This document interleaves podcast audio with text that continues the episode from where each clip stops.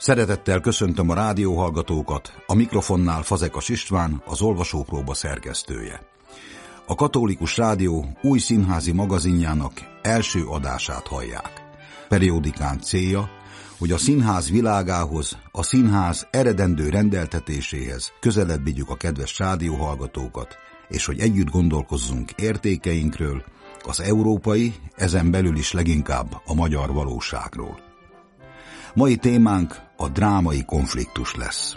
Állandó beszélgető partnerem Nagy Viktor színházi rendező, a Színház és Filmművészeti Egyetem osztályvezető tanára, a Pesti Magyar Színház új igazgatója, és a mai műsorban megszólal még Vinyánszki Attila, Kossuth rendező, a Nemzeti Színház igazgatója, valamint Molnár Kristóf, az SZFE harmadéves rendezőszakos hallgatója a Vinyánszki Attila osztályából. Tartsanak velünk, kellemes időtöltést kívánok!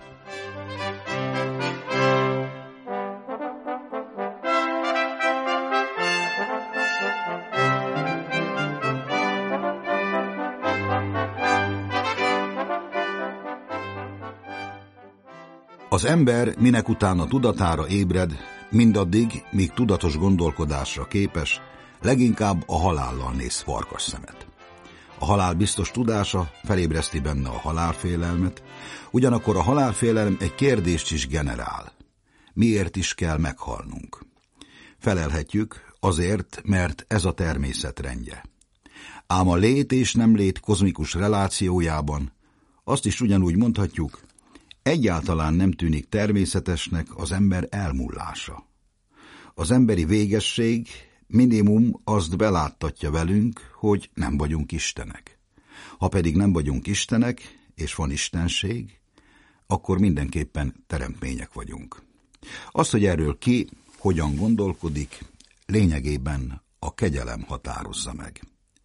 Az ősi civilizációk soha nem mondtak olyat, hogy ne lenne az embernek teremtője. Rítusaik a teremtő istenlétét hangsúlyozták, és ugyanakkor azt is, hogy az embernek a teremtő istenséggel konfliktusa van.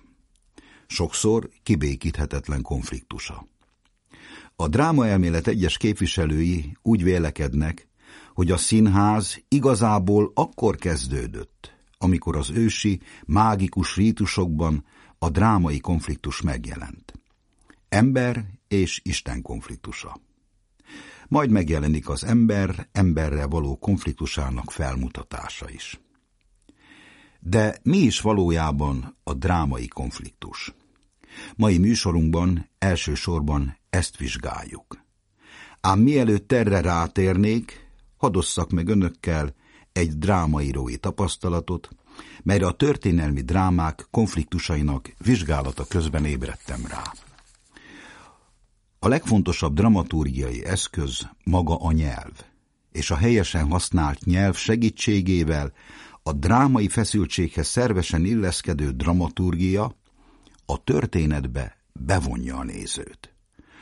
A válságba került hőssel való együttérzés a cselekmény részesévé teszi a befogadót, és ha a befogadó eljut a drámai feszültség epicentrumába, megtörténik a beavatás.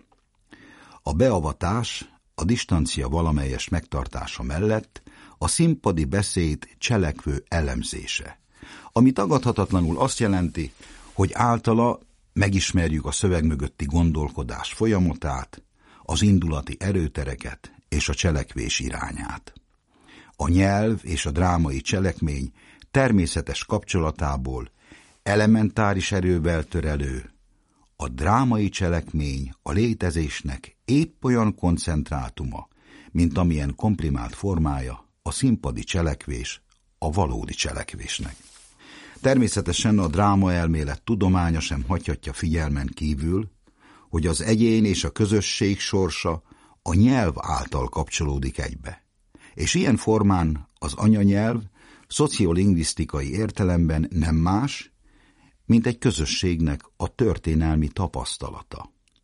Ami egy néppel megtörtént, mondhatni, az a nyelve, hiszen minden egyes szaván, kifejezésén, nyelvi változásain sorskérdései visszhangzanak. Éppen ezért, ha veszélybe kerül a nyelv, veszélybe kerül a közösségi identitás is, és ahol a közösséget összetartó nyelv megszűnik, ott a közösség történelme is véget ér. A szcenikus szóbeli tradíciók sokkal inkább fontosak tehát az identitás, semmint a nyelvápolás aspektusából, noha a kettő szorosan összefügg. Ezek a hagyományok ott, ahol egy adott közösség válságba kerül, és azt átvészeli, előbb-utóbb megjelennek annak válság utáni költészetében. Az európai kultúra súlyos válságba került. Így a mi kultúránk is. Kontinensünk múltja és jelene tele van drámai konfliktusokkal. Ezek hiteles felmutatása megmaradásunk egyik záloga. Nekünk, magyaroknak, ebből a szemszögből is egyik alapművünk Katona József bánkbánja. Színrevitele éppen ezért minden esetben nagy felelősség. Soskérdéseink ikletett átélése nélkül ennek a nagy súlyú történelmi drámának az alapkonfliktusait könnyen elbakatelizálhatja, vagy elsikkaszthatja a rendező. Ám a kellő alázattal közelít Bánk és Endre tragédiájához. Az elveszett lehetőségek elsiratása helyett segítséget hatott nekünk, ma élőknek, hogy megtisztultan ragadhassuk meg a jövőt.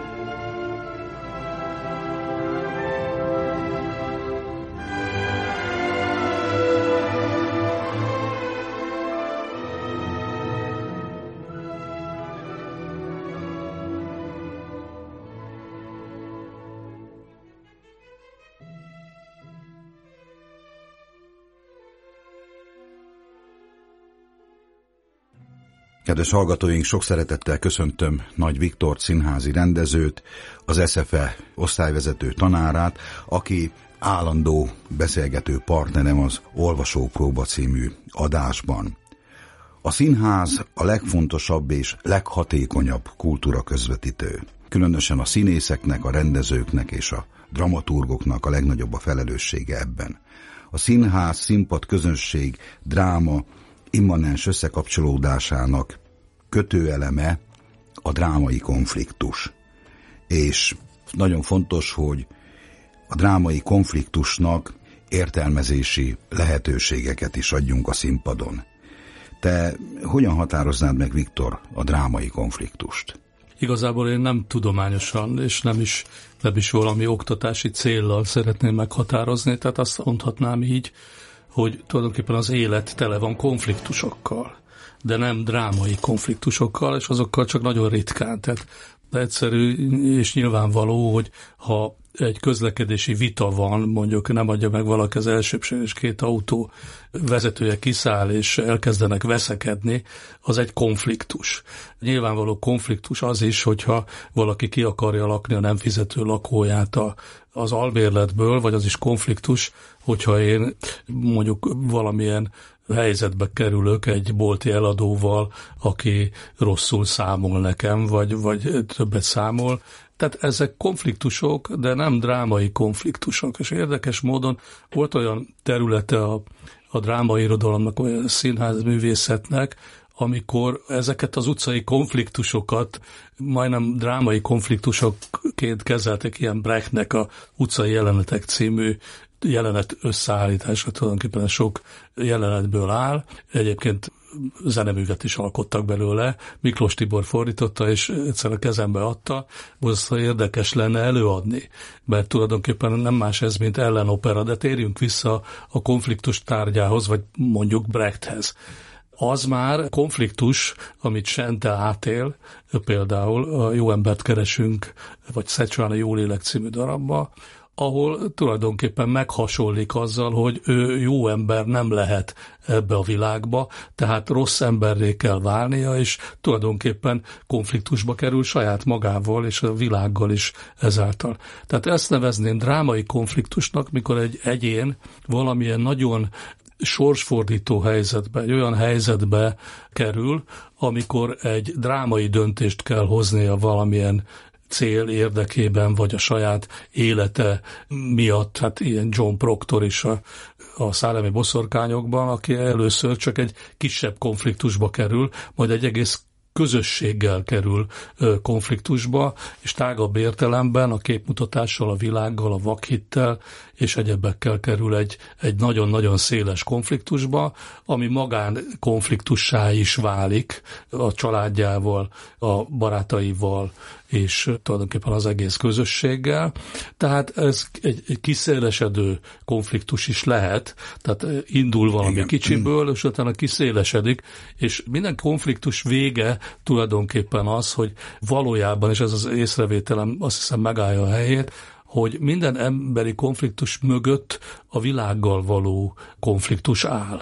Tehát oda fog kiszélesedni minden, minden egyes esetben, akár filozófiai, akár vallási, vagy bármiféle értelemben. Tehát minden konfliktusnak van egy nagyon személyes szála, az lehet egy tragédia, egy sértődés, lehet egy valamiféle felzaklató történés a magánéletbe, ami aztán kiszélesedik egy általános emberi konfliktussá. Gondoljuk csak arra, hogy Aténi Timon, aki konfliktus nélkül éli az életét, tulajdonképpen is egy fantasztikus udvartartást visz maga körül, és ő a nagy támogató, a nagy mecénás, a nagy szponzor, azzal szembesül egyszer csak, hogy amikor ő bajba kerül, akkor nem segít rajta senki.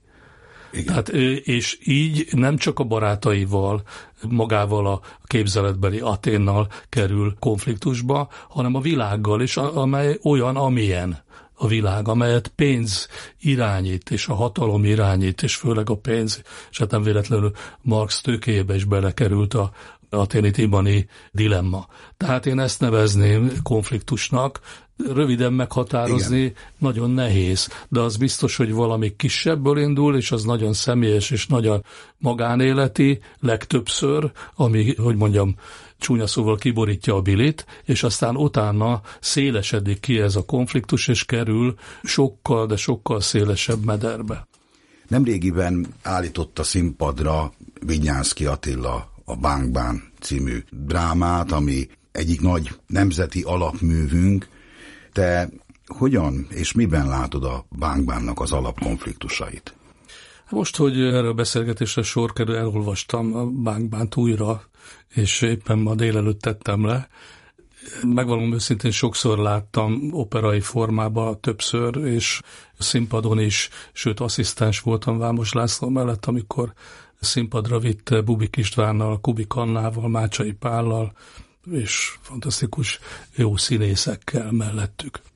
Tehát újra olvastam, és mondom őszintén, hogy, hogy két fajta érzésem van, és ez, ez egyik a, persze ezek majd a konfliktushoz is vezethetnek. Az egyik az a nyilvánvaló történet, ami passzol az előző megjegyzésemhez, hogy tulajdonképpen honnan indul ez a konfliktus.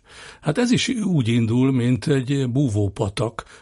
Belecsöppenünk tulajdonképpen egy, egy csábítási kalandba, hogy úgy mondjam, finoman, és úgy indul, hogy, hogy a férj elment, elutazott, és a, a feleséget oda reddelik az udvarhoz, és ott szemet vet rá, mivel gyönyörű a nő, szemet vet rá egy fiú, ugye, aki történetesen a, a királynőnek a rokona, és ebből indul. Tehát egész kicsiből indul ez egy, egy féltékenységből, hiszen Bákban ott hallgatózik, stb. stb. tudomása van a történetekről, sőt, hát ugye el is mondják neki. Tehát indul egy, egy tulajdonképpen Pitiáner ügyből, ezt persze zárójelben mondom Pitjáner ügy, ami bármelyik házmesterrel megeshet, aki elutazik és otthon hagyja a feleségét, és a villany leolvasó jön, és akkor megtetszik neki a nő. Tehát ez nem különösebben óriási nagy dráma. A dráma az ott van, hogy nem csak ez a probléma, hogy a bank az elutazott, aztán később tudjuk meg, hogy, hogy miért és hogyan hagyta ott az udvat, hogy miért kellett neki elmennie, hanem a baj sokkal nagyobb. Kiderült, hogy ez az egész magánéleti ügy párhuzamosan halad egy másik konfliktussal, ahol a magyar nagyurak elégedetlenek az uralkodóval. És itt párhuzamos dolognak vagyunk a, a tanúi, a, a főurak lázadnak és lázadoznak, és a kevésbé súlyos ügy az kevésbé, hát persze emberi módon ez, ez egy tragédia tud lenni, nyilvánvalóan, egy kevésbé súlyos ügy egymással szinte párhuzamosan. És egyszer csak találkozik ez a két történet. Most nem akarom elemezni azt, hogy, hogy a magyar történelemben ez miért lett egy nemzeti dráma, és miért aktuális a mai napig ez a történet. Ennek nagyon sok szála van, de a konfliktus alapja ez. Utána az a két szál tökéletesen találkozik egymással, és a a bankbár részéről, aki ennek a, a csúcsán van, ennek az egész történetnek, ő benne pedig egy még súlyosabb döntés felé tereli a dolgokat. Tehát, hogy egyszerre lázad a világ ellen, vagyis a, az uralkodó ellen, egyszerre lázad a, a fennálló viszonyok ellen, és egyszerre lázad az ellen, hogy az ő magánéletét így sárba lehet taposni.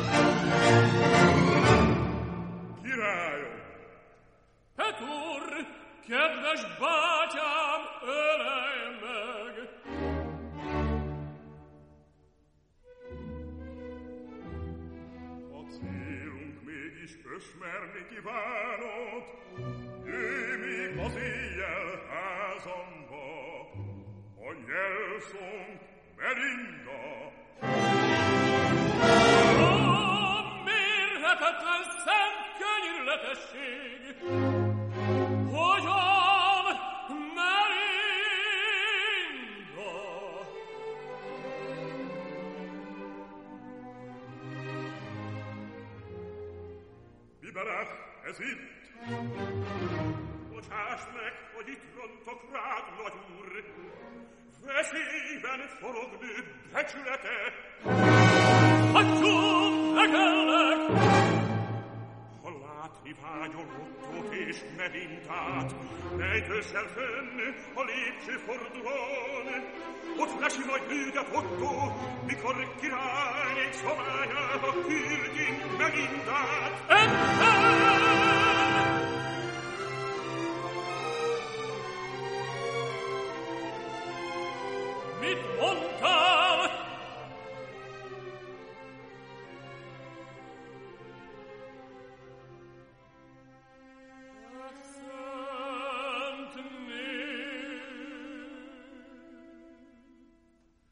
Yeah.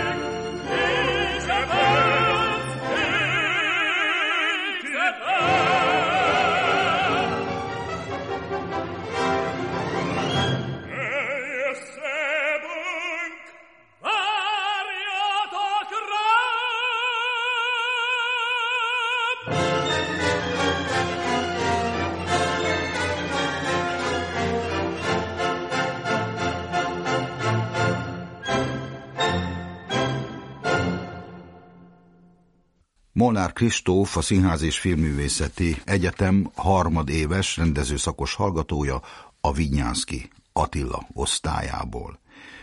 Több színdarabot is színpadra állított már, Ibzentől a Hedda Gablert, a Színházi Olimpián Madács Imre ember tragédiájának a falanszter jelenetét, és azt is el kell mondanom a kedves hallgatóknak, hogy nem régiben, a múlt év őszén írtam én magam is egy oratórium drámát, a Béres Csepp 50 éves évfordulójára, melynek Gyógyítók a címe, azt is Molnár Kristóf állította színpadra, és a, ez, az ezefe diákjai adták elő. Kristóf, először is azt szeretném öntől megkérdezni, hogy mit tudna nekünk mondani a drámai konfliktusról? Igazából hogyan összegezné ennek a lényegét? Üdvözlöm a hallgatókat, és talán az első, amit kiemelnék, hogy ugye a dráma, amely a cselekedni szóból ered, szinte elképzelhetetlen konfliktus nélkül. Tehát ugye Csehovnál beszélünk drámaiatlan drámáról, de pontos elemzéssel jól látható, hogy ott is megjelennek konfliktusok. A konfliktus ugye valamilyen értékkülönbség, amely aztán különböző formákban nyilvánul meg, és lényegében ez lehet egy, egy egyszerű nézeteltéréstől kezdve akár egy nagyon komoly érdekkülönbségig terjedő skála. Ami érdekes még, hogy ugye a konfliktusok esetében beszélhetünk, és ez a bankbánnal kapcsolatban nagyon fontos, ugye interpersonális és intrapersonális konfliktusról. Ugye az inter, ami több személy között zajlik, a másik pedig, ami egy személyen kívül. Na most a bankbánban mind a kettő nagyon pontosan és szépen végigkövethető. Ezt a konfliktusrendszert, amelyben a bankban ugye amelyben kifejlődik a bankbáni tragikum, mindenek előtt talán a király távol léte jellemzi. A második Endre csupán a drámai cselekmény folyamat csúcspontja után jelenik meg a színen, ugye ekkor tér vissza a galiciai hadjáratból, hogy betöltse az ítélkezés feladatát. És az az érdekes, hogy a tragédia kifejlete a királyt is érinti, távol létében ugye a törvényes képviselője, Bánk, megölte a feleségét, és ilyen körülmények között katona drámájában nagyon nehéz megmondani, hogy kitöltheti be ezt a közép szerepét. Ezért is, bár lélektani balladáról szoktunk beszélni, mondhatjuk, hogy ez egy lélektani dráma, és több igazság feszül egymásnak. És azt mondhatjuk, hogy bánkra hárul az a feladat, hogy a Meránia, a békétlenek és Tiborc eltérő értékei között ugye közvetítsen, és ennek a közvetítésnek a sikerén az ország sorsa és a saját életének az egysége is múlt.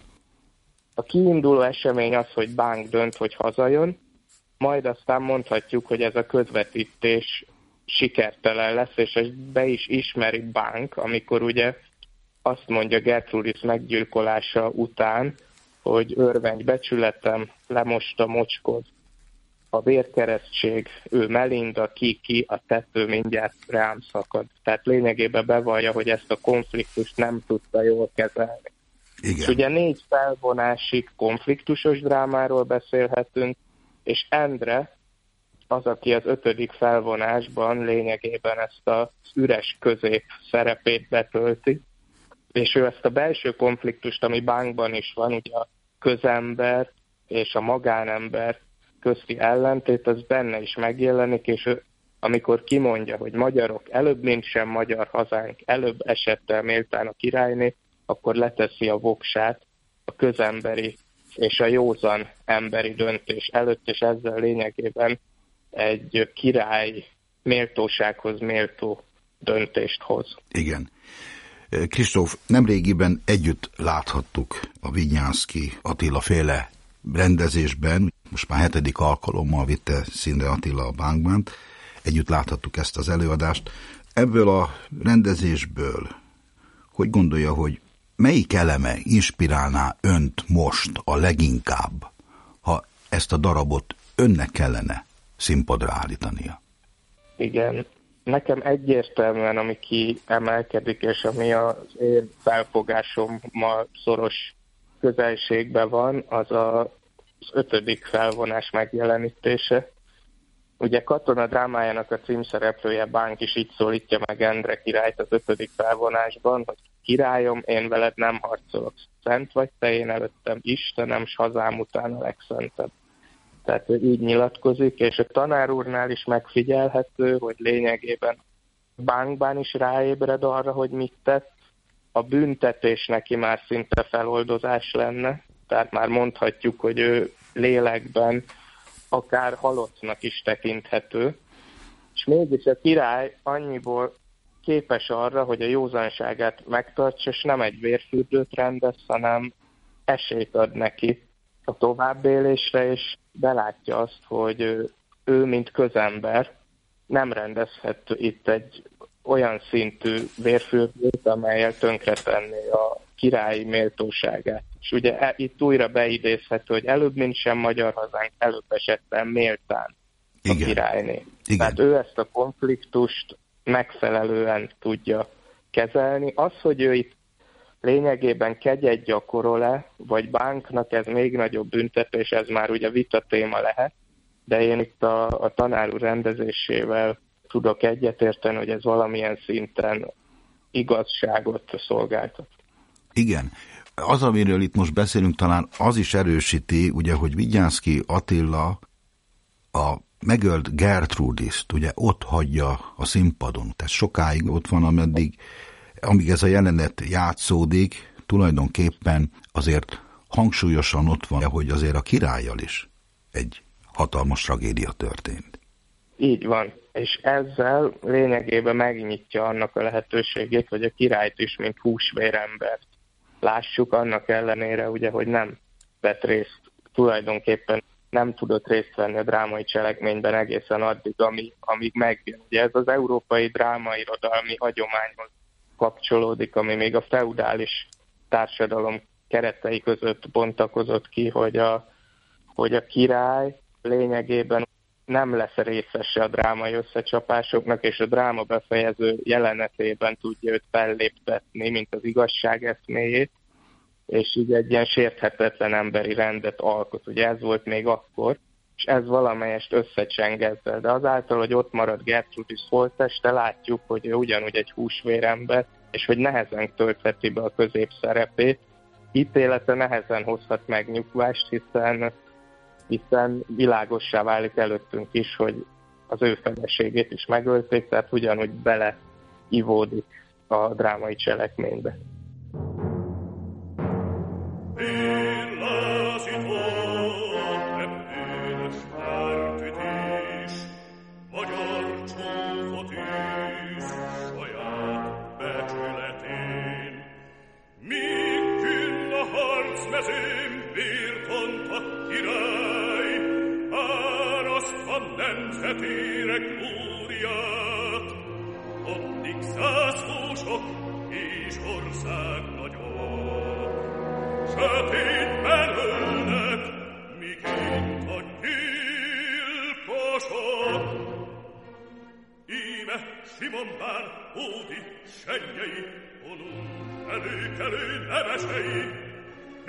suo amor me retterà Ires veoios un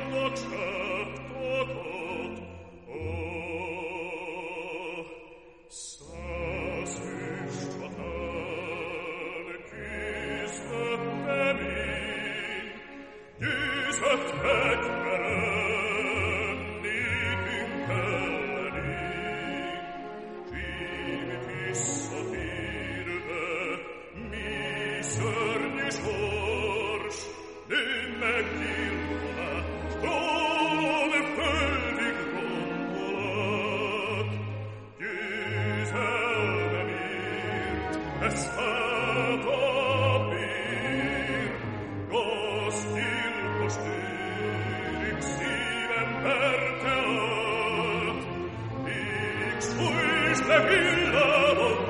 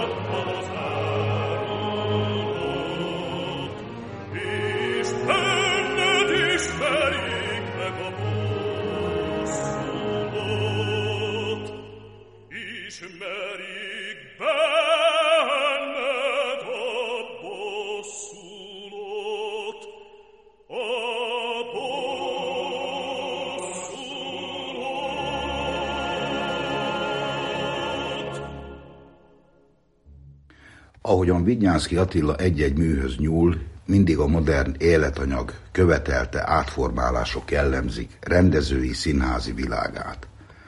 Amikor egy rendező újra a témához nyúl, igazából mi inspirálja, és mennyire értelmezi át az alapkonfliktust. Valószínűleg minden egyes színdarabhoz való fordulás egy kicsit más. Amikor újra és újra előveszem, és két ilyen darab van, az ember tragédiája meg a bánkbán, a bánkbán, akkor mindig azt szoktam tapasztalni, hogy a két csodálatos mű remek lehetőség arra, hogy az ember újra gondolja egy kicsit magát, azt a világot, ami körülveszi, a lehetőségeinket, az életünket. Tehát mindig, mindig az történik meg, hogy újra fölfedezem. Mindig új példány készítek, sohasem az előző példányból dolgozom, és nyilván vannak számomra kedves megoldások, amelyeket átemelek egyik előadásból a másikba, de egy kicsit mindig újra szülöm az előadást. Kicsit mindig újra építem az előadáson keresztül magamat is. Igen. Attila, most ebben a új rendezésedben a konfliktusokat, hogyha vizsgáljuk, te ezeket mennyire értelmezted át a korábbi rendezéseidhez képest? Hát az a konfliktus, ami ezer éves konfliktus, és amíg magyar ember itt fog Közép-Európában élni, addig mindig is meglévő konfliktus lesz már. Mégpedig az, hogy kelet és nyugat közé szorultan ilyen kisülési felület vagyunk egy kicsit. Az, hogy méretünkhöz képest sokkal jelentősebb politikában, a világpolitikában betöltött szerepünk. Az, hogy állandó örlődés a létünk, mert hittel hiszük, hogy nyugathoz tartozunk, de a keleti örökség az ott motoszkál valahol bennünk, és azt se szeretnénk, elhagyni nem akarunk, meg nem is tudunk tőle megszabadulni. Szóval ez a konfliktus, ami, ami részint bennünk van, részint meg kívülről jövő hatások miatt van, mert így, hogy két nagy kultúra közé vagyunk szorulva, így a nagy kultúrák, a nagy birodalmak sajátja, hogy hatni akar, és mindenkit be akar gyűrni maga alá és hol kelet felől kell védekeznünk, hol pedig nyugat felől kell. De az esetek nagy többségben mind a két oldal felé óvatosnak és vigyázónak kell lenni. Szóval ez az alapkonfliktus, ez nem változik. Nem változik. Ez az első rendezéstől, mert hogy ez van a darabban. Igen. Tehát ebből építkezik az ember, mindig vannak új hangsúlyok, mindig minden egyes előadásomnak vannak új motivumai, és vannak még egyszer mondom olyanok, amik átjönnek egyik produkcióból a másikba. Igen. A mostani előadásodban ugye feltűnő, hogy nagyon sok a fiatal szereplő. Ezt Igen. ennek igazából mi az oka? Hát egyrészt, és ezt mindig büszkeséggel mondom, ezek szinte kivétel nélkül mind a tanítványaim, és most értek meg arra, hogy elbírjanak ekkora súlyú szerepeket, úgy gondolom, és nagyon tisztességesen dolgoznak, és komoly jövő áll mindegyikük előtt. Én úgy gondolom, ha dolgozni fognak az elkövetkezőkben is. Másrészt mindig idősebbekre osztjuk ezeket a szerepeket, közben meg a történelmi valóságban ezek fiatal emberek volt. Gertrudis nem volt 30, amikor megölik. Igen. És ez is motivált, hogy a saját életkorukba hozzam vissza ezeket a figurákat. Én is korábban, hát udvaros Dorottya játszotta 5 évvel ezelőtt, szóval, de ez a tipikus Gertrudis szerepét. Másrészt meg a bankbánt nagy részt fiatalok nézik a Nemzeti Színházba. Hál' Istennek jönnek, és nagyon jól nézik, és látom, hogy hatással van rájuk azt akartam, hogy érezzék, hogy ez nem valami történelmi múltba játszódó valami, hogy ezek a konfliktusok, ezek a szembenállások, ezek nem 600 évvel ezelőtti, vagy 700 évvel ezelőtti történetek, hanem ezek a mai valóságunk sikító konfliktusai. Ezt éljük meg most, ahogy, ahogy ránk akarnak erőltetni viselkedési formákat, gondolkodásmódot, ránk akarják erőltetni. Most főleg nyugat felől jön a veszély. Azt a világlátást, amit ők képviselnek, azt a világmagyarázatot, ahogy ők magyarázzák, és hát ez egy hősies küzdelem a részünkről, küzdelem a lelkünk megmaradásáért, küzdelem azért, hogy, hogy olyanok maradjunk, amilyenek mi vagyunk, és ne alakítsanak, gyúrjanak át. Küzdelem azért, hogy egyáltalán ebben a borzasztóan nehéz történelmi helyzetben megmaradjunk, megmaradjon az ország.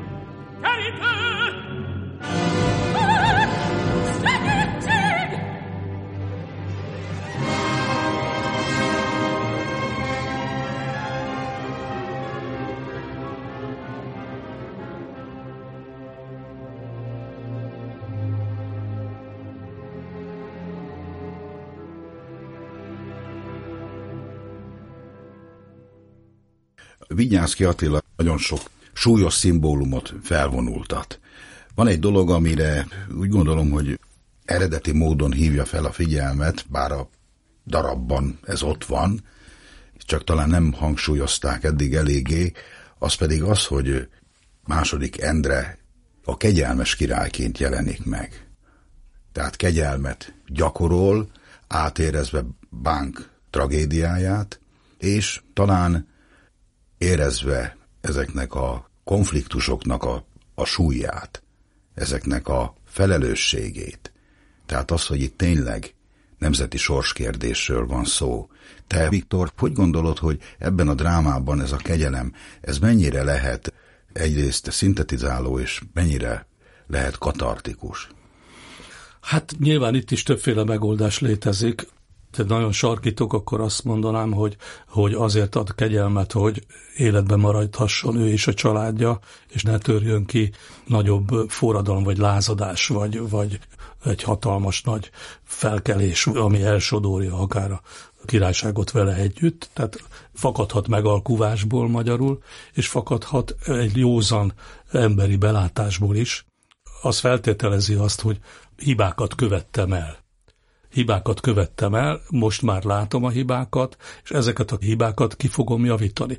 Túl lépek a saját, ott is családi tragédia, ugye? Hát, hát gyilkosság, stb. Igen. Tehát ott is családi tragédia van. Túllépek ezen a dolgon, és azt választom, hogy a népem legyen boldog, a népem jusson egyről kettőre, és oldódjanak meg azok a súlyos nemzeti konfliktusok, amelyek idáig voltak. Tehát egy, egy belátó uralkodó, ahogy tetszik, egy felvilágosult uralkodónak a döntése.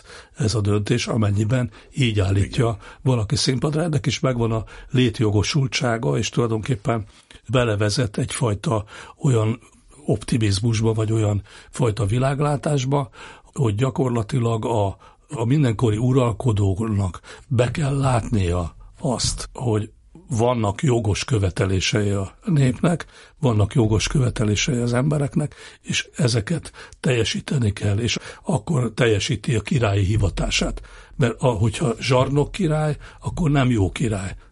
És esetleg az is lehet, hiszen Endre és Gertrudis lánya, a későbbi Szent Erzsébet, hogy ez Endrénél a keresztény uralkodónak a magatartása? Én azt hiszem, hogy mindenképpen. Mindenképpen. A magyar királyoknak különösképpen van egy olyan magán a hatalmon és a királyságon túlmutató tulajdonsága, amit az Árpádházi királyok végig vezethető, hogy meg voltak róla győződve, hogy a hatalmukat az Istentől kapták.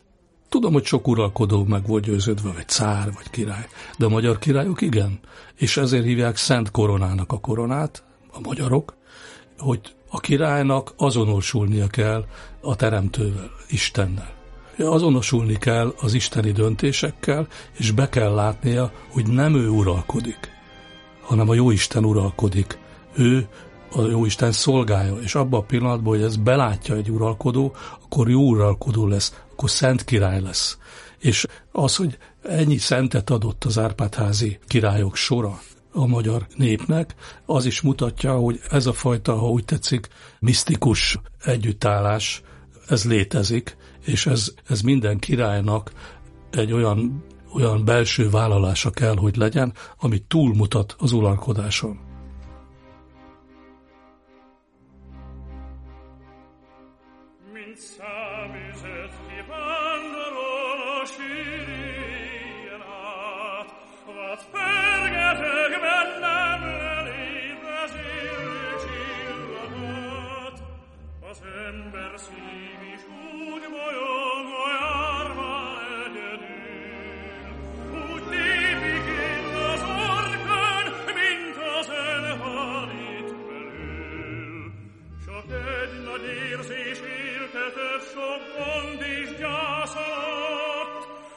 Szent hazám és hős nevem szeplőtelen megmaradt. Most mind a kettő orvosra vár, s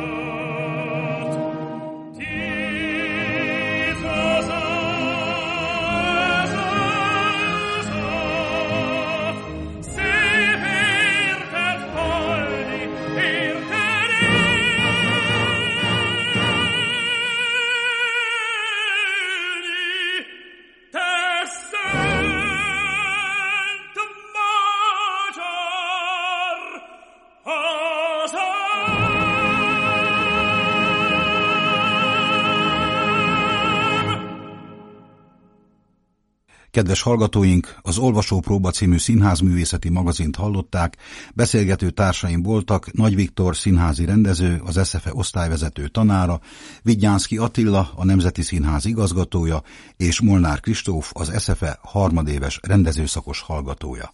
Búcsúzik önöktől a szerkesztő, Fazekas István, Isten áldja önöket, további szép napot kívánok!